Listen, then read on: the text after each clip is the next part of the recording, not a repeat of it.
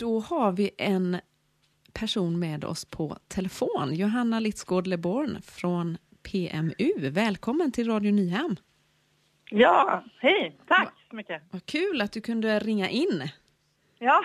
Ja, det var ju superbra. Det funkar ju, funkar ju så bra nu med, mm, man har ju lärt sig ganska mycket under det här året med digitala saker och det är mycket saker som fungerar även om man inte kan sitta på plats som läget är nu. Det har man verkligen lärt sig. Ja, men precis. Mm. Du jobbar på PMU. Mm. Eh, och ni har jobbat väldigt mycket med, med, i fattiga länder just nu med om covid och, och saker och ting som händer kring det. Vad, vilken påverkan har covid haft på de här fattiga länderna egentligen? Eh, oj, det har ju varit mycket på olika sätt. Alltså det är ju mycket på grund av de här sårbara sjukvårdssystemen som finns i många utvecklingsländer så har ju coronaviruset lett till förödande konsekvenser som vi kan se. Till exempel så är det så att antalet extremt fattiga människor i länder söder om Sahara, det vill säga de som lever på summa under 20 kronor, där tror man ju att världen har liksom hoppat tillbaka utvecklingsmässigt i, de pratar om 20-30 år, vilket ju är helt, det är en så ofattbar siffra att ta till sig. Men det är ju mycket, det är svaga hälsosystem, det är de här trångboddheten, dåliga möjligheter till ordentlig handhygien. Ja, många olika saker som har gjort att det där har haft en, och har en jättestor påverkan mm. just nu. Har ni sett några konsekvenser liksom av att det har blivit så här i de här länderna?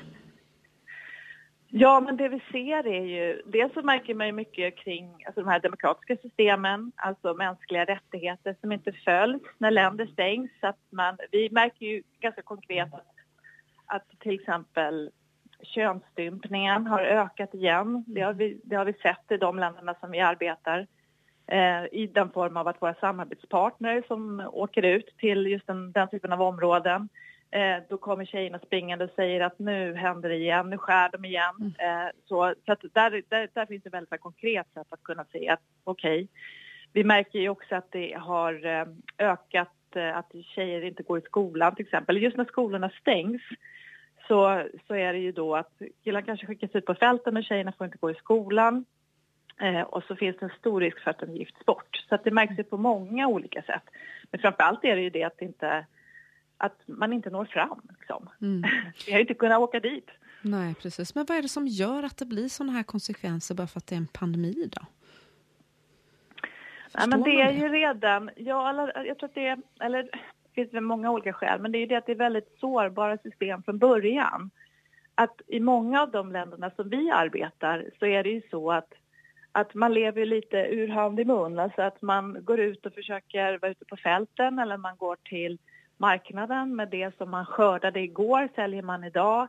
Och så plötsligt så kommer folk och säger nej du kan inte göra det längre för att det är en pandemi som pågår. Och plötsligt så har ju hela ens försörjning mm. tagits bort. Mm. Eh, och det får ju förödande konsekvenser så snabbt. Ja, verkligen. Du, det är någonting jag har sett. Ja, men precis. Och du, du berättade ju att, att ni kan inte komma dit, men, men vad gör ni för insatser via PMU då för att hjälpa de här människorna nu? Ja, men vi, har ju, vi, vi arbetar i alla länder där vi är så har vi samarbetspartner på plats eh, och vi var rätt snabba på där, alltså för, ja, i februari då, 2020 kan man väl säga, så där någonstans februari-mars så, så märkte vi, eller var ju då världen liksom stängde ner och då hörde vi snabbt av oss och så sa vi det, vad, vad ser ni, vad händer, vad behöver ni för hjälp? Vi hade egentligen tänkt att planera för någonting helt annat, som så många andra hade en helt annan kampanj på mm. gång och den sa vi, den lägger vi på hyllan för nu mm. händer det här. Eh, och så, så, frågade vi, vad är det för typ av behov som ni ser? Vad är det, vad, vad kan vi, hur kan vi stötta? Mm. Och då så sa de ju direkt att ja, men vi måste ut med information. Vi måste berätta att det här händer. Vi måste se till att skapa här tvättstationer. Vi måste gå ut i radio. Så det var ju många grejer som hände ganska snabbt mm. och konkret. Varför, varför är information så viktigt? Ja, eh, det är ju det att vet, vet man inte så kan det ju bli så väldigt tokigt på olika platser.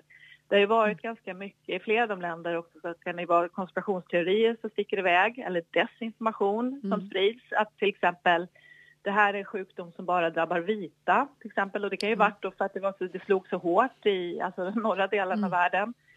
tror man det, eller att vaccinet är, är farligt till exempel. Och, så där. och där har det ju verkligen, alltså därför har man fått jobba jättemycket med information och också med de platserna där inte folk alltså där man inte kommer ut i vanliga fall. Det är ingen som hör eller ingen som vet. Och sen så kommer någon till en by och berättar, vet du vad? Just nu i världen så pågår det här.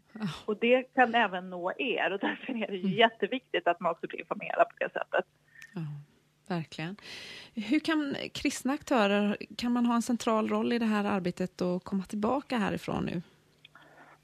Ja, men det är allra högsta grad ska jag säga. Där är det ju, vi, vi, vi känner ju, på BMU så känner vi att vi, vi är pingströrelsens biståndsorganisation och vår absoluta styrka är att att vi jobbar med liksom kyrkor, systerkyrkor runt om på så många platser i världen. Och där är det ju då, speciellt då, man säga, söder om Sahara, så är ju kyrkan den centrala punkten. Dit många går, man är med, det är där man hämtar sin information, det är där man får hjälp. Och kyrkan har, liksom, har alltid stått där.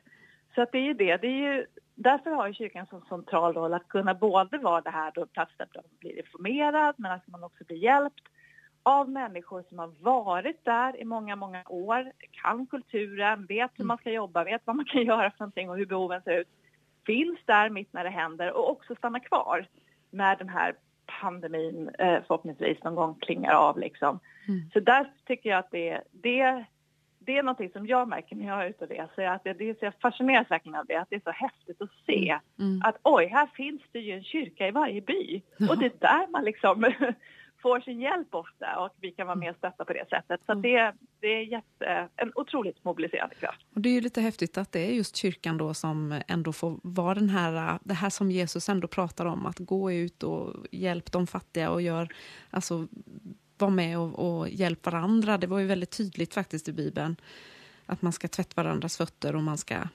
hjälpa, alltså verkligen stötta varandra. Så det är ju häftigt att se att kyrkan har en så viktig, viktig roll.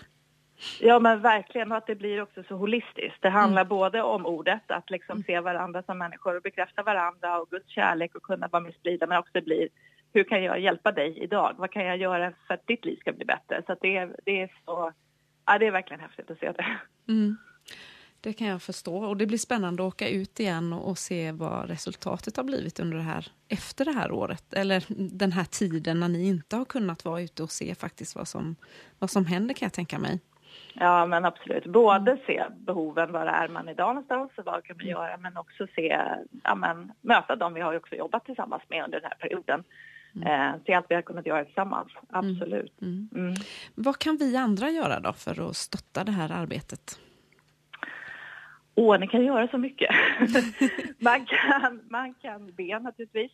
Absolut, det behövs böner för, för dels alla våra syskon ute i världen och sen så för det här arbetet. Man ska vara vis i arbetet, det vi gör. Sen kan man absolut stötta ekonomiskt eh, såklart. Det är ju så alltid, speciellt nu när det händer. Vi ser att behoven är enorma. Eh, och där finns det väl allra bästa sättet att stötta är ju just att man kan bli månadsgivare till exempel. Mm. För då vet ju vi att ja men okej, då kommer det ramla in pengar lite lagom sådär en gång i månaden ja. och då kan vi vara med och starta liksom, utvecklingsprojekt som kan pågå under lång tid att bygga upp ett samhälle till exempel. Så det är ju en bra grej. Sen kan man ju vara med och göra event själv här hemma också. Säga, lyfta en fråga liksom och säga och så kan vi vara med och komma och vara med på det eventet. Eller en annan sak som jag kan tipsa om då är att man faktiskt önskar sig pengar till PMU istället för någonting annat när man fyller 50 eller 60 eller ja, men, något annat. Tack. Eller hur? Det är en ganska bra grej. ja, det är faktiskt en jättebra grej. Mm. ja, ja. Jättestort tack för att du var med, Johanna. Ja, men tack. Eh, vad kul eh, och roligt att höra din röst. Och vi hoppas verkligen att vi ska få ses snart igen. Och, och det är klart, det kanske blir Nyhem nästa år. Om ja, vi har tur. men det tror vi väl. Det får hur? vi hoppas definitivt. Ja, absolut. ja. Tack så mycket för att du var med. Och ja, men nu... tack för att jag fick vara med. Tack. Ha det så gott. Ja, ha det bra. Hej då.